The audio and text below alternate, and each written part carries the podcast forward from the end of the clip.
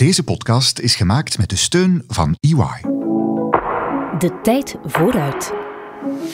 Hoe overleeft u de toekomst? Als je ziet dat een bedrijf heel veel vacatures geeft en op hetzelfde moment mensen laat afvloeien, dan weet je dat er een fout gebeurd is. Vandaag Frederik Anseel, de professor die werk echt werkbaar wil maken. Het is bijna de basis van management. Ja, het gevoel geven aan mensen dat ze ertoe doen en dat ze verschil maken. En dan zegt men ook, ja, dat klinkt wel heel simpel, ja, maar misschien is het ook wel zo simpel. Bert Rijmen gaat in gesprek met visionaire ondernemers en onderzoekers. Digitalisering, artificiële intelligentie, slimme algoritmes, die veranderen onze manier van werken en leiding geven. En we moeten daarom het roer helemaal omgooien. Met enige overdrijving is dat zo ongeveer een samenvatting van wat we denken over de toekomst van werk en management. Frederik Anseel, professor bedrijfspsychologie, denkt daar anders over. Businessgoeroes met bouwde voorspellingen en vlotte tips en tricks, dat vindt hij maar niks. We moeten volgens Anseel veel meer rekening houden met de mens in de werknemer en dat die zich kan vinden in het bedrijf of de organisatie waar hij in werkt. Dat is waar managers mee bezig zouden moeten zijn. Maar, en dat is misschien wat onhandig voor een reeks die de tijd vooruit heet, de toekomst voorspellen vindt hij maar niks. Frederik Anseel. Ja, ik heb er een beetje een allergie voor gekregen, omdat ja, je ziet constant allerhande soorten voorspellingen en uh, predicties over de toekomst en vaak doembeelden. En vaak worden mensen nooit afgerekend op de voorspellingen die ze doen. En dus dat is gemakkelijk en goedkoop voorspellingen maken. En ik, ik heb het liever iets meer onderbouwd, iets meer evidence. Ja, iets te makkelijk om wat termen zeg maar, eh, de zaal in te gooien en, of, of iets wat goed bekt. Maar toch, we weten toch, of u zal toch wel weten, waar we de volgende jaren naartoe gaan. Hè? Hoe dat werken, waar we met z'n allen mee bezig zijn, waarin we volgens sommigen te veel tijd besteden, waar we met z'n allen het moeilijk hebben om die balans ook met, met ons uh, gezinsleven of privéleven te, te vinden. Um, dat nieuwe werken, als we dat zo kunnen dopen. Wat, wat denkt u daarvan? Is dat echt nieuw en, en hoe gaat dat evolueren? Wel, eh, het nieuwe werken is ondertussen al een beetje het oude werken, want men praat in de jaren negentig al over het nieuwe werken. En dus dat, dat is zo een van die, die, die termen dat men, men voorspelt dat er een grote verandering komt. En meestal gaat het veel trager dan we eigenlijk verwachten. Bill Gates heeft daar een mooie uitspraak over. Hij zegt van ja, verandering gaat heel traag, maar dan plots heel snel. Mhm. En ik denk dat het ook met werk zo is. Dus we, we kondigen al eigenlijk bijna sinds begin jaren 90 een grote verandering in de manier waarop we gaan werken. Maar als je kijkt naar de statistieken, naar de cijfers, dan zien we dat we eigenlijk nog vrij traditioneel bezig zijn. Maar dat sluit niet uit natuurlijk dat er wel gestage een verandering opkomt en dat we plots rondom ons kijken en zeggen van tja, er is toch wel grondig wat veranderd. Mhm. wat, wat is er dan bijvoorbeeld veranderd toch? Wat je wel ziet is, en, dat, dat, is opnieuw geen grote revolutie geweest, maar bijvoorbeeld de scheiding tussen werk en, ik kan niet zeggen vrije tijd, het idee dat er een privéleven is en een werkleven, Um, je ziet dat de, de, de, grenzen daarvan steeds waziger worden en dat die mhm. zaken meer door elkaar lopen. En enerzijds komt dat door bedrijven die de mensen meer vrijheid hebben gegeven om bijvoorbeeld thuis te werken, om te, om te kiezen waar je werkt en hoe je werkt. Anderzijds natuurlijk ook door de technologie die toelaat dat je op heel veel verschillende plaatsen werkt en dat mensen ook hun eigen technologie hebben die ze meebrengen van thuis of van het werk naar huis. En dat zorgt ervoor dat, die, de, dat de grenzen wat vervagen. Ja, inderdaad. Dat is dan toch gebeurd. Kunnen we dan niet verwachten dat dat nog verder zich zal zetten, nog, nog meer waziger zal worden? Ja, dat is de voorspelling. Maar eerlijk gezegd, um, men noemde dat de boundaryless career. In de jaren 70 was al dit soort voorspellingen gemaakt van kijk, mensen zouden eigenlijk allemaal een soort zelfstandige ondernemer worden en die zouden in wisselende verbanden voor verschillende bedrijven werken en iedereen is eigenlijk een kleine zelfstandige die van thuis uit werkt en die gaat wisselende eh, contracten aan om te gaan werken. Dat voorspellen we al heel lang dat heeft zich nooit doorgezet. En ik denk omdat we soms te weinig rekening houden met de, en dat is dan mijn vak natuurlijk, met de mhm. psychologie van mensen. Ja. Wat, wat, is daar dan het probleem? Waarom kunnen we, kunnen we dat dan niet aan als mens?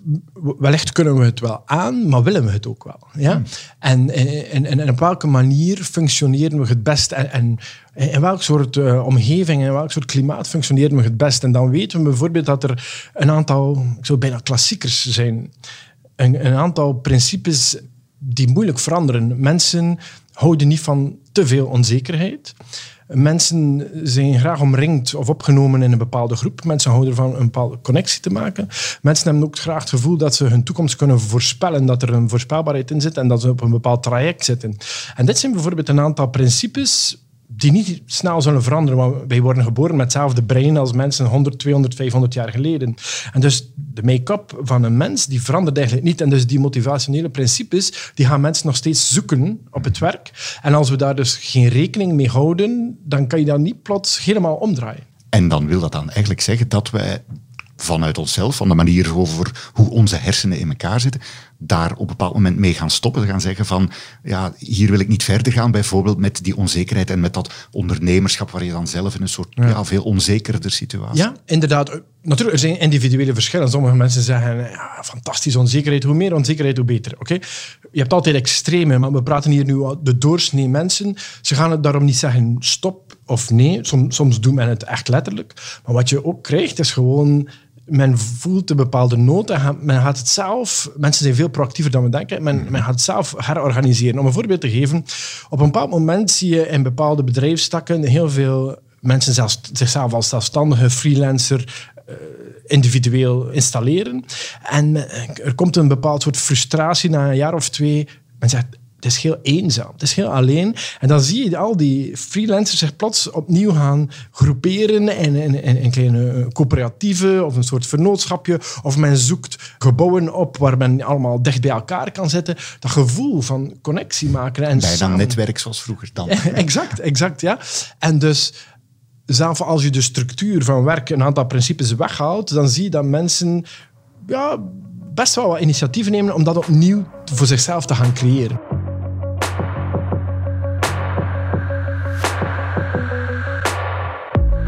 Houden dus niet van onzekerheid in onze job. En we willen ongeveer wel weten wat er op ons afkomt op het werk. Maar wat moet je daarmee als manager? Hoe kan je je organisatie aanpassen of, zoals Frede Kanseel zegt, retunen, zodat je die uitdagingen aan kan? Met het antwoord op die vraag moet je oppassen. Ja, en, en daarmee benoem je eigenlijk perfect de, de, de huidige hype die er heerst in management. En men noemt het eigenlijk voortdurend reinventing the organization. En dus jezelf heruitvinden als organisatie. Langs de ene kant, de omgeving verandert heel snel. Technologie, eh, globale competitie, migratie. En als bedrijf zit je met die mensen en je moet daar, dat, dat moet bij elkaar passen. En dus je moet die structuur, de manier waarop je werkt, gaan heruitvinden.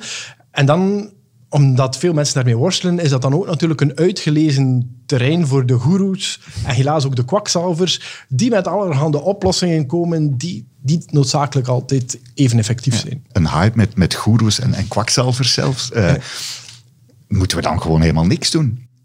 Dat denk ik eigenlijk wel. Dat denk ik wel, omdat natuurlijk als de wereld rondom jou verandert, dan kan je niet gewoon blijven stilzitten. Om het voorbeeld te geven, een aantal bedrijven is traag in verandering. En om een voorbeeld te geven daar, niet elk bedrijf is technologisch even snel mee met de nieuwste gadgets, apps. En wat je ziet is dat mensen, jonge mensen, die komen dan naar het werk met hun eigen laptop, met hun eigen smartphone, met, met, met alles. En die gaan zelf filmpjes maken en alles. En dus je wordt als het ware door de omgeving onder druk gezet om te veranderen. En dus je moet daar wel iets mee doen als organisatie. En dus dan moet je nadenken van ja, hoe kan ik ervoor zorgen dat bijvoorbeeld door digitalisering, door allerhande analytics, hoe kan ik ervoor zorgen dat ik enerzijds daar gebruik van maak, zo effectief mogelijk ben, maar wel nog altijd ja, het zal met mensen gebeuren en nog altijd die mensen eigenlijk op een goede manier kan inschakelen en motiveren. Wil dat dan zeggen dat, dat men ja, toch veel meer met die psychologie van die werknemer aan de slag moet? Dat, dat toch op een betere manier daar meer op moet focussen? Wat misschien de voorbije periode minder het geval was? Ja, eerlijk, ik denk dat wel. En natuurlijk, mensen zullen zeggen, ja, je praat voor je eigen winkel als U bent psycholoog. psycholoog ja, ja. ja. dat mag ik dus doen, want ik ben, ja, ik ben er ook eerlijk over. Uh, maar, maar, ik denk dat het ook wel terecht is. Een beetje sloganesk misschien, maar ik, ik zeg vaak hoe meer digitaal we worden, hoe menselijker we zullen moeten worden. Omdat mensen hebben natuurlijk het gevoel dat er heel veel algoritmes zijn, dat ze heel veel op hun computers werken, dat heel veel communicatie virtueel verloopt. Maar bepaalde menselijke principes veranderen niet. Namelijk appreciatie, contact maken met mensen, samenwerken op een goede manier. En dus hoe meer dat je dergelijke... Iedereen heeft de mond vol van artificial intelligence, machine learning. En dat is allemaal fantastisch. Een beetje oversold. Maar goed, de, de mogelijkheden zijn er in ieder geval.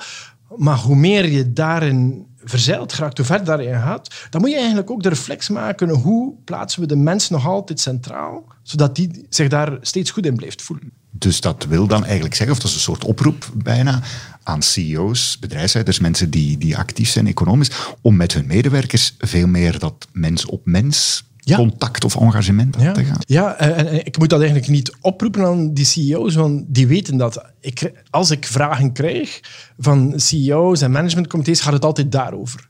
Men zegt van, we zijn zoekende, uh, we voelen dat we hier op een risicovol terrein zitten, dat we uh, het risico lopen om onze mensen kwijt te spelen, mentaal psychologisch, wat kunnen we daarmee doen? En, en, dat is waar ik hen bij help. En dus mensen zijn zich daar wel uh, bewust van. Maar dat is niet altijd eenvoudig, omdat de voorbije periode waaruit we komen eigenlijk is een periode, als het gaat over management, die gekend is door trucjes. Ik noem dat trucjes. Alsof je een hond over een hekje leert springen, dan dacht men, een goede manager die heeft een aantal management trucjes. En als je dat maar toepast, dan kan je mensen alles laten doen. Hè. Men praat vaak over de stok en de wortel en bepaalde doelstellingen en targets. En mensen zullen dat wel doen.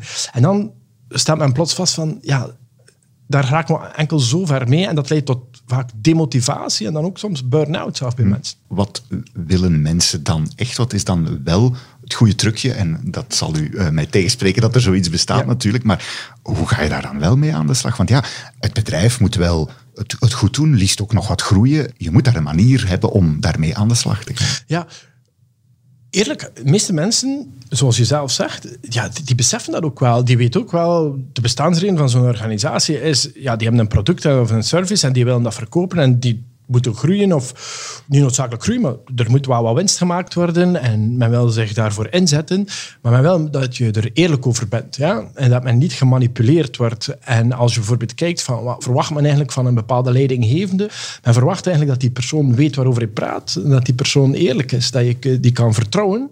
En men verwacht ook dat zo'n bedrijf iets geeft om jou, dat je het gevoel hebt dat je niet inwisselbaar bent. Dat niemand in het bedrijf van plan is om jou morgen door iemand anders te vervangen en dat je direct vergeten bent. Dit, dat klinkt nogal soft. Ja? Dat klinkt heel soft. Uh, en ik weet, sommige mensen zeggen van, is dat een organisatiepsycholoog? Is dat een management? Ja, absoluut. Het is bijna de basis van management. Ja, het gevoel geven aan mensen dat ze ertoe doen en dat ze verschil maken. En dan zegt men ook, ja, dat klinkt wel heel simpel. Ja, maar misschien is het ook wel zo simpel, maar zijn we dat wat uit het oog verloren door altijd maar te focussen op allerhande leiderschapstrucjes gaan mensen dan volgens u ook effectief beter presteren, het beter doen in dat bedrijf, het bedrijf beter maken? Ja, absoluut. Dat, dat is wat ik bestudeer, is eigenlijk een soort de link tussen hoe je als organisatie een bepaalde strategie kan hebben, een bepaalde, je kan wel innoveren, een bepaalde competitieve strategie, en hoe mensen dat waarmaken. En als je een, een bepaalde leiderschapsstijl hebt die eigenlijk past het bij die strategie, dan zien we effectief dat mensen individueel beter presteren in hun jobs, maar eigenlijk ook echt een bijdrage leveren tot die strategie. En dus die link, die is eigenlijk vrij nieuw, ook in onderzoek. En dat is eigenlijk wat ik doe en ook de komende jaren wil verder uitbouwen, is van ja, aantonen dat het gaat niet alleen over mensen die zich beter voelen, maar dat dat het verschil maakt tussen de beste bedrijven. Mensen presteren beter als ze het gevoel hebben dat ze ertoe doen en dat ze een verschil maken. En managers moeten daarop focussen. Dat is de simpele regel van Frederik Anseel. Maar hoe ga je als werknemer dan om met al die digitalisering en verandering die op ons afkomt? Er is een bedreiging, maar ik denk vaak dat de verhalen die we er rond verkopen, en dat verkoopt ook goed, de dreiging en dat mensen gaan vervangen worden en dat ze voortdurend met robotten gaan samenwerken en dan de, het hele idee dat er een hele generatie van medewerkers daar niet toe in staat is, die niet de skills of de expertise hebben en dat we dus die dat we die kwijt zijn en dat we die moeten vervangen door de volgende generaties. Dit soort pessimisme is denk ik niet gerechtvaardigd. maar het gebeurt toch wel. Hè? In België hebben we een voorbeeld gehad met Proximus. Daar worden een hoop, laten we zeggen, oudere profielen eigenlijk gezegd, ja, u moet hier vertrekken of u moet zich herscholen tot iets waar we wel iets aan hebben. Aan de andere kant worden die nieuwere profielen zeg maar, in dienst genomen. In de bankenwereld heb, zie je een gelijkaardige evolutie. Het gebeurt wel hè, op het veld. Ja, absoluut. Het, het is heel pijnlijk om te zien. Het is bijna Ja, het is bijna onbegrijpelijk inderdaad als je ziet dat een bedrijf op hetzelfde moment heel veel vacatures geeft, nieuwe mensen aanwerft en op hetzelfde moment mensen laat afvloeien, dan weet je dat er een, fout gebeurd is. Ja? Is dat een fout? Dat is niet logisch? Nee, dat is niet logisch. Ik denk dat er echt een fout gebeurd is. Kijk, dat is wat ik wilde duidelijk maken als ik daarnet zei van het idee dat een bedrijf moet eh, zorgen voor mensen en de bezorgdheid tonen. Dat houdt ook in dat je mensen begeleidt op de lange termijn en dat je een loopbaan uitbouwt voor mensen. Dat betekent ook dat je hen bijschoot, dat je hen nieuwe vaardigheden leert, dat je zorgt dat ze met de nieuwste technologie mee zijn. En dat vraagt soms ook dat je mensen een beetje uit hun comfortzone pusht. Mm Sommige mensen hebben het goed, hebben een bepaalde job en veranderen is niet altijd leuk. En soms moet je als organisatie mensen verplichten om iets anders te doen, zodanig dat die mensen mobiel blijven en nieuwe vaardigheden ontwikkelen. Dat is duidelijk niet gebeurd. En dan kan je nu natuurlijk zeggen, ja, we moeten die mensen laten gaan en dat is jammer. Maar eigenlijk moet je daar zeggen, er is daar gewoon een fout gebeurt. Je kan ook, sommige mensen wijzen ook naar de medewerkers zelf, dat je zelf mhm. ook verantwoordelijk bent voor je loopbaan. Sommige mensen ja, vinden het helemaal niet, zoals u zelf zegt, niet, niet leuk om te veranderen en duwen, duwen, trekken, trekken. En als dat op een bepaald moment niet meer gaat, ja, wat doe je dan? Verandering en, en, en bijleren. Kijk, mensen halen eigenlijk heel veel motivatie uit bijleren, maar het is dat, als het ware, in gang schieten, die eerste stapjes, dat is wat moeilijk, omdat plots word je weer geconfronteerd met wat je niet kunt. Mhm. Ben je onzeker over bepaalde zaken. En vroeger, je, je, oude job, die ken je fantastisch goed. En dus daar, dat spanningsveld, dat is een, eh, iets wat je als organisatie samen met mensen moet proberen daarover te geraken. En eens dat mensen nieuwe, nieuwe vaardigheden leren, dan, dan zet zich, dat is een zelfversterkend proces. Maar ik denk dat beide daar een verantwoordelijkheid hebben. Als werknemer moet je daar dus ook mee aan de slag we hebben toch heel veel dingen, als ik naar heel die wereld van artificial intelligence ga en die slimme algoritmes die ook zelf lerend zijn, die kunnen toch al wel heel veel, ook als het gaat over menselijk gedrag, met data aan de slag, daar, daar van alles in gaan ontdekken en, en voorspellen zelfs. Ook als het gaat over alles wat met human resources, met werk en, en werkorganisatie uh, te maken heeft. Kijken zelfs of werknemers ja, goed bezig zijn, zich gelukkig voelen, goed, goed uh, presteren dat brengt toch iets bij? Dat is toch een, iets wat ook goede informatie kan zijn? Absoluut. Ik ben een technologie-adept zelf. Ik ben een fantastische fan. Ik, eh, ik, heb een goede achtergrond in statistiek en ik probeer te begrijpen de, de laatste evoluties in machine learning en de kunstmatige intelligentie. En het is fantastisch wat er kan. Ja. En je, kan... je kan zelfs uh, de, bank uh, laat via een algoritme laten beslissen of je een lening krijgt of zelfs nog verder uh, het algoritme laten beslissen of je de job of je geschikt bent voor de job of niet. Ja, dat, dat is iets moeilijker, omdat die algoritmes, we, we spreken over uh, artificial intelligence, maar eigenlijk zijn die heel dom.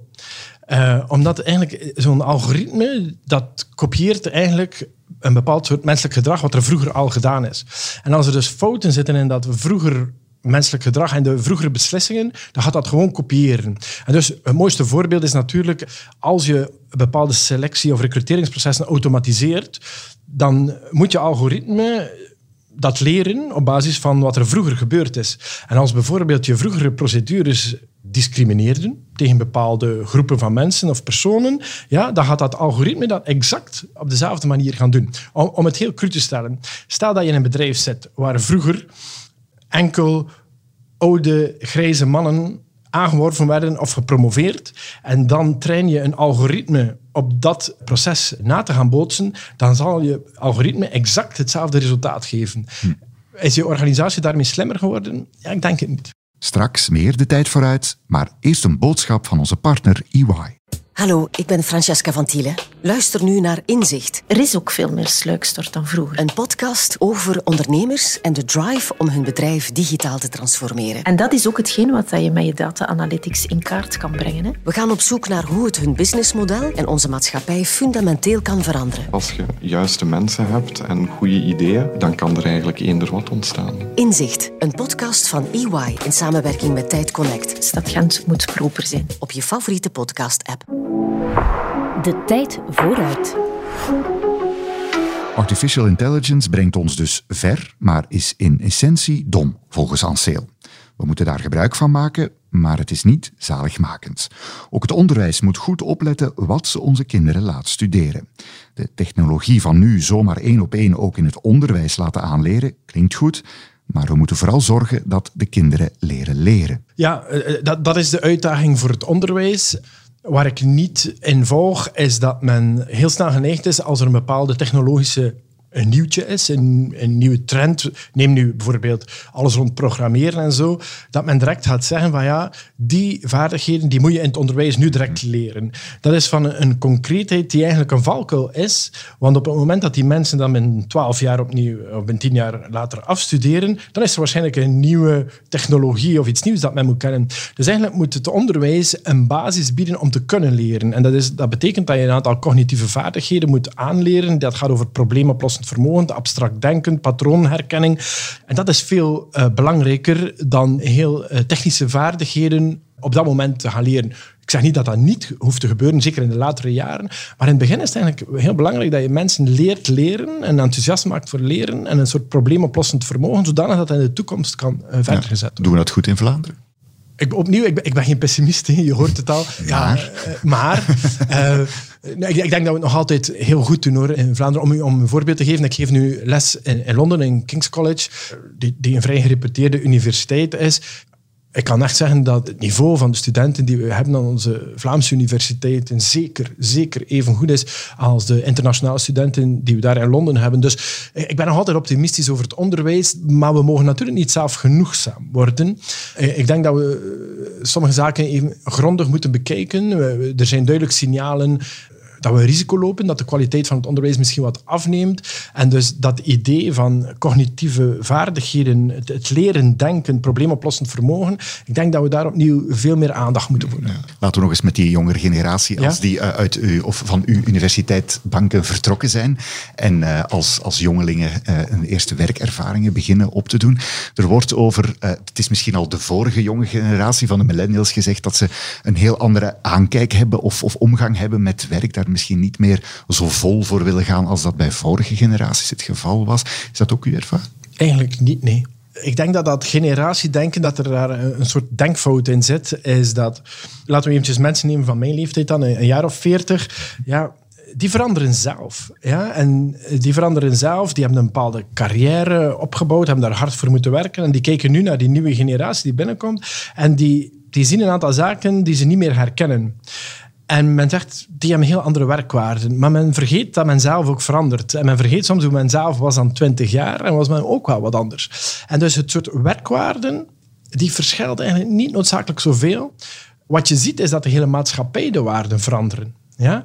En dus ook bij de mensen van 40 jaar, 50 jaar, 60 jaar, dan zie je bijvoorbeeld dat die balans tussen privé en werkleven, ook die mensen bekijken dat helemaal anders. Maar we schrikken ervan als we terugkijken op onszelf en we kijken naar die jonge mensen, dan wordt het veel opvallender. En hetzelfde geldt voor die technologie. We zien plots jonge mensen met bepaalde technologie werken die wij niet meer kennen. Oké, en we schrikken daarvan. Ik zie, ik zie dat ook. Ik zie, ik zie jonge mensen TikTok-filmpjes maken en dergelijke meer. Ik begrijp er niks van, ben heel geïnteresseerd. Maar we denken plots, doordat die een andere technologie gebruiken, dat dat andere wezens geworden zijn. Maar het is niet omdat de technologie verandert, wat essentieel eigenlijk een, een, vrij oppervlakkig fenomeen is. Mhm. En wij denken dat de, de kloof veel groter is, maar ik denk dat we dat wat overschatten. En ik denk dat we onderschatten hoe groot de wijziging is in de hele maatschappij en hoe wij naar werk kijken. We zijn eigenlijk met z'n allen een beetje opgeschoven van, laten we zeggen, de absolute nadruk op presteren, daar volop voor gaan, naar ja, misschien een slimmer of meer uitgebalanceerde situatie. Uitgebalanceerd, ik weet niet of dat het resultaat is of eerder de wens. Kijk, bij heel veel mensen blijft werk wel heel erg centraal staan in hun leven, omdat het een bepaalde identiteit geeft. Stel, wij gaan straks hier eh, naar een receptie en je stelt je voor en waarschijnlijk in de eerste drie zinnen zal je vertellen wat je doet. Ja. Ja, wat, wat je werk is. En iedereen doet dat. Waarom? Dat is onze identiteit. En heel veel mensen blijven hard werken, misschien niet noodzakelijk in uren, want men denkt vaak we werken veel meer uren dan vroeger, we werken minder dan ooit. Maar mentaal, de investering daarin en hoe sterk ons zelfbeeld en identiteit bepaald wordt door dat werk, dat is misschien zelf toegenomen in de huidige maatschappij. En dat zorgt er ook voor dat we bijvoorbeeld risico's lopen op burn-out als heel onze identiteit samenvalt met het werk en het werk ontgoochelt. Door zijn invulling, doordat we iets niet behalen. En als dat een groot ontgoocheld is, dan, dan, gaat dat heel diep bij mensen. En dus dat idee dat er meer een balans is, ik denk heel veel mensen zoeken naar die balans. Ik weet niet of ze die balans al gevonden hebben. De balans zit hem dan misschien meer in het ook wat mentaal te kunnen loslaten en jezelf niet, jezelf niet in die volle 100% identificeren met wat je op dat werk doet en, en hoe goed en, of hoe slecht dat, dat dan gaat. Ja. ja, inderdaad. Dus die balans zal misschien veel meer mentaal zijn dan dat het een juiste afweging is van het aantal uur dat je thuis bent of privé. Het is inderdaad die, die mentale afweging. Maar dat, maakt het, dat is heel moeilijk, omdat langs de andere kant wordt er in onze maatschappij momenteel een heel grote nadruk gelegd op zelfverwezenlijking. Ja? Is het niet door je werk waarvan je kan zeggen dat je een bepaalde topjob doet, iets heel interessant, dan ga je misschien een, een marathon moeten lopen, dan ga je een Ironman doen, dan ga je... De man van toe op fietsen. De man van toe. Dus je probeert jezelf, en dat is iets dat heel visibel is momenteel, je probeert jezelf te definiëren, een bepaalde identiteit, door prestaties. Je kan je, je lichaam pushen tot bepaalde prestaties. Je kan je mentaal pushen tot bepaalde prestaties. En je zou dat eigenlijk, eh, dat, klinkt nu misschien wat filosofisch, maar je kunt kunnen zien als allemaal symptomen van eenzelfde soort streven naar een identiteit vinden in een, een maatschappij die heel erg fluide is. We zijn dus met z'n allen op zoek naar een manier om ons leven een draai te geven, via het werk of via een sportieve prestatie. We willen onze identiteit vormgeven en er op de een of andere manier bovenuit steken. Maar eigenlijk zijn we niet zo speciaal. Ja, wij, wij, zijn allemaal heel gewoon en we zijn eigenlijk allemaal heel saai. En onze avonden zien er waarschijnlijk vrij gelijkaardig uit. Maar, en dat klopt heel erg, elke mens heeft wat we noemen een uniqueness bias. Wij geloven allemaal dat we uniek zijn. Maar doordat we in een maatschappij terechtgekomen zijn door alle social media, waarbij al onze levens heel erg visibel zijn, moeten we dat gevoel van uniek zijn ook uitbeelden. Ja? En we moeten dat ook zichtbaar maken. Vroeger konden we dan misschien denken van onszelf dan, ja, ik ben echt wel een speciaal, ik ben met er eentje. Ja? Mm. En de meeste mensen denken dat over zichzelf. Maar nu natuurlijk, als alles heel erg visibel is, dan moet je dat ook ergens gaan aantonen. En ik vermoed, dat is natuurlijk een beetje speculatief, dat heel veel vervolmakingsdrang op het werk, maar ook in het privéleven. En dat geeft heel veel druk dat dat daar mee te maken heeft. Dat wil dan ook eigenlijk zeggen dat je burn-out vanuit een bedrijf heel anders moet benaderen dan gewoon zeggen, uh, ja, uh, we gaan niet meer mailen in het weekend bijvoorbeeld, dat, dat hoort nu al wel eens, of je mag wat minder uren, of, of we doen dat anders. Dat heeft volgens u daar niet per se mee te maken dan? Niet per se. Ik ben, ik ben altijd heel voorzichtig, omdat burn-out is een heel complex iets en, en heeft verschillende oorzaken. Maar ik, ik, ik denk inderdaad dat dat idee van een één-op-één koppeling tot hoe hard je werkt en hoeveel uur. En dus dat je mensen moet eigenlijk weghouden van hun e-mail en van hun werk op dwangmatige wijze bijna. Dat is een vrij naïef iets.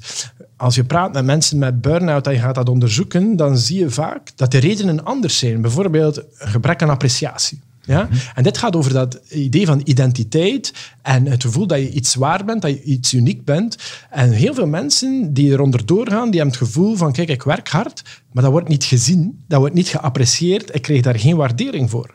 Of vaak heeft het te maken met een bepaald conflict. Of mensen die geen nieuwe rollen krijgen of niet in aanmerking komen voor iets, het niet gezien worden. En dus het idee van burn-out dat dat te maken heeft met hard werken, ja, deels, dat kan. Dat je te ver geweest bent, dat je in het rood, een paar keer te veel in het rood geweest bent. Maar vaak gaat het over veel fundamentelere zaken, over wie wij zijn en hoe anderen ons zien en hoe we gewaardeerd worden. Hoeveel van Frederik Anseel is die identiteit met de job die u doet? Bent u, bent u goed of een slecht voorbeeld als het over burn-out of, of uw job zijn uh, betekent? Ja, ik ben een verschrikkelijk voorbeeld. Ja, ik ben een verschrikkelijk voorbeeld. Ik, ik, ik val bijna samen met mijn job, denk ik. Zoals ik hier nu met u praat, helaas uh, moet mijn vrouw en uh, mijn familie vertellen dat ik constant dezelfde soort analyses maak en gesprekken tot vervelens toe natuurlijk. Dus ik, ik vrees dat ik daar niet goed op scoor. Toch opletten dan, ja, zei de journalist tegen, de, tegen de prof. Hoe pak je dat dan aan in een bedrijf? Hè? Want u legt nu heel goed uit dat die stress en die druk en die, het feit dat je je eigen identiteit heel erg samenlegt met met wat je job doet, wil dan ook zeggen dat de mensen die jouw job mee organiseren ook een heel belangrijke invloed hebben op jouw psychologie, op, op je identiteit, op je karakter. Die moeten daar dus ook wel uh, zich van bewust zijn hoe ze daarmee omgaan. Hoe, hoe moeten ze dat goed doen? Ja. Uh, het is gemakkelijker gezegd dan gedaan. Ik weet dat mhm. ook. En, en, daarom ben ik ook een professor en geen manager. uh, en, en sta ik gewoon wat langs de zijlijn te zeggen hoe men het moet doen. Dus ik zeg vaak, uh, leiding geven is een mission impossible. Ja, je, je probeert het onmogelijke te doen, omdat geleid worden door iemand anders is altijd heel moeilijk. Maar ik denk als men aandacht heeft voor een aantal van die menselijke basisbehoeften, namelijk bijvoorbeeld het idee dat mensen moeten het gevoel hebben dat ze competent zijn, dat ze hun talent kunnen uitbouwen en dat ze daarvoor gewaardeerd worden. Dat is, dat is een heel basisprincipe, dat klinkt heel abstract. Maar bijvoorbeeld dat wil zeggen dat je misschien in de plaats dat je mensen aanwerft op basis van een jobbeschrijving waarbij je zegt ik wil iemand met die, die, die en die competentie, dat is altijd moeilijk te vinden. Mensen klagen dat we niet de juiste mensen vinden. Dat je in de plaats misschien kijkt van kan ik iemand aanwerven met een bepaald uniek talent? En laten we nu een denken in wat voor soort rol en wat voor soort job kunnen we creëren voor die persoon, waarbij dat die persoon de beste bijdrage aan ons bedrijf kan leveren. Dat is echt de rollen omdraaien. Ja? Vroeger heb je een, een functiebeschrijving, een, een, rol, en je gaat de persoon daarin proberen in te passen. Ja? Misschien moeten we het omgekeerde doen. Zoeken naar een bepaald talent, iets uniek, dat je zegt van dit hebben we nodig. Oké, hoe kunnen we daar nu een, een volledige job rond gaan bouwen. Dat is bijvoorbeeld een van die zaken. Ja? Een andere zaak is bijvoorbeeld, mensen moeten het gevoel hebben dat ze vooruitgang maken. Dus moet je nadenken, hoe kunnen we iemand een loopbaan geven waar dat er verschillende stappen ingebouwd zijn, dat mensen het gevoel hebben, ik ga vooruit, ik leer iets bij en ik krijg meer verantwoordelijkheden of ik maak een verschil voor andere mensen. En dus als je daarover nadenkt, dan mag je waarschijnlijk heel veel jobs en loopbanen, zoals die momenteel vormgegeven zijn, moet die heel erg gaan veranderen. Dan moet je die hele ja, soort bedrijfscultuur of de cultuur waarop wij bedrijven in deze economie organiseren echt wel ja, op, opnieuw, op, opnieuw helemaal aanpassen. Maar het is een perfect moment. Omdat alle bedrijven zeggen nu toch, de technologie verandert hoe we werken, we gaan met robots gaan werken. En dus je ziet nu toch al dat bedrijven zeggen, we gaan heel de structuur, heel de manier waarop werken gaan veranderen. Oké, als je bereid bent dat te doen voor een bepaalde technologie, Waarom zou je dat moment ook niet een aantal andere principes, waarvan we weten dat ze mensen veel gelukkiger en productiever eh, zullen maken, waarom zou je op dat moment dat ook niet gaan gebruiken? Ja, die CEO's die niet aan de kant staan, maar in het bedrijf zelf. Wat, wat voor raadgevingen of tips kan u hen geven om daar hier en nu mee uh, aan de slag te gaan. Want hun probleem van de mensen niet vinden of hun probleem van burn-out, dat is het nu wel hè, op dit moment. Men zegt van ja, we hebben geen idee om daaraan te beginnen. Vaak haalt men dan een consultant of een groep consultants binnen. En dan denkt men, we moeten hier een groot organisatie, breed nieuw plan hebben, een grote strategie. We gaan daar maanden over nadenken en dat uitrollen voor de hele organisatie. Dat is eigenlijk al op voorhand gedoemd om te mislukken. Ja? Wat je eigenlijk moet doen als organisatie is op kleine schaal, op plaatsen waar je denkt, daar zit een groepje van mensen die daar zin in heeft, is wat experimenteren. Je moet je organisatie bijna als een soort prototype gaan eh, beschouwen en gewoon trial and error. En durven zeggen aan mensen ook van, kijk, we zijn op zoek naar betere manieren om te werken het kan mislukken, maar we gaan iets nieuws proberen. En dan ben je ook ingedekt als organisatie. Als het mislukt, zeg je, ja, dat kan, maar we zijn op zoek naar andere manieren. En je doet dat in kleine groepjes, kleine teams. En soms zal iets niet werken, maar soms zal iets wel iets werken. En wat we zien is, als je gaat experimenteren met een nieuwe manier van werken, en dat gaat goed, dat werkt besmettelijk. Het is als een olievlek doorheen de organisatie. Andere mensen die ook gemotiveerd zijn, zien van, oh, dat lijkt me daar heel leuk en dat is interessant. Ik wil bij dat team. En of we moeten dat hier ook gaan proberen. En je krijgt dus een soort van dynamiek, om het in management speak bottom-up eh, mhm. te gaan zeggen. Ja, sorry, ik Toch weet, dat is verschrikkelijk. Ja. dat is verschrikkelijk. uh, ja, maar dat is een heel andere, een veel voorzichtigere, een veel aanvaardbare, organische manier om met verandering te gaan werken. is dat ook iets waar zo'n CEO mee naar zijn board kan, naar zijn aandeelhouders kan? Want die vinden dat misschien wel heel leuk om horen, maar ja, die willen ook wel dat rendement hebben en een beetje kijken hoe, hoe gaan die targets uh, daarin evolueren. Daar zit toch nog een probleempje, denk ik. Ja, daar zit duidelijk een probleem. En ik geef dat ook toe. En die CEO's zitten, zitten met heel, een heel moeilijke situatie. Ze zitten gevrongen uh, tussen Skila en Charybdis. Dat is echt, langs de ene kant heb je die druk van de medewerkers, de maatschappij. Je vindt niet de juiste mensen. Mensen vallen uit met burn-out. Je probeert daar iets aan te doen. Ondertussen heb je de druk van de cijfers. En dus je probeert je organisatie te hervormen, maar je moet wel productief blijven. En het is alsof je je vliegtuig wil herbouwen terwijl je vliegt in de lucht. Dat is een ontzettend moeilijke opdracht. En ik heb de grootste bewondering voor mensen die zo'n grote bedrijven leiden, omdat dat zo moeilijk is. Mhm. Maar er is een kentering, ook, ook bij aandeelhouders beseft men steeds meer en legt men meer nadruk op de maatschappelijke rol die bedrijven hebben. En het gaat niet meer louter om winst maken en financiële prestaties. Natuurlijk, dat, dat is heel erg belangrijk. Maar men weet ook, men heeft een, een, verantwoordelijkheid. En als men niet die maatschappelijke verantwoordelijkheid neemt, dan krijg je een soort backlash in de maatschappij en dan verdwijnt dat bedrijf ook. Men is daar heel erg bewust van. En dus ik denk dat we op een goed moment zitten momenteel, waarbij dat er wel wat vrijheidsgraden gecreëerd wordt om dergelijke verandering te gaan doorvoeren. ik wens u daar vast heel veel succes mee. Dank u wel, Frederik ja. Dank u wel. Beluister meer van De Tijd Vooruit op Spotify, Apple Podcasts of via tijd.be.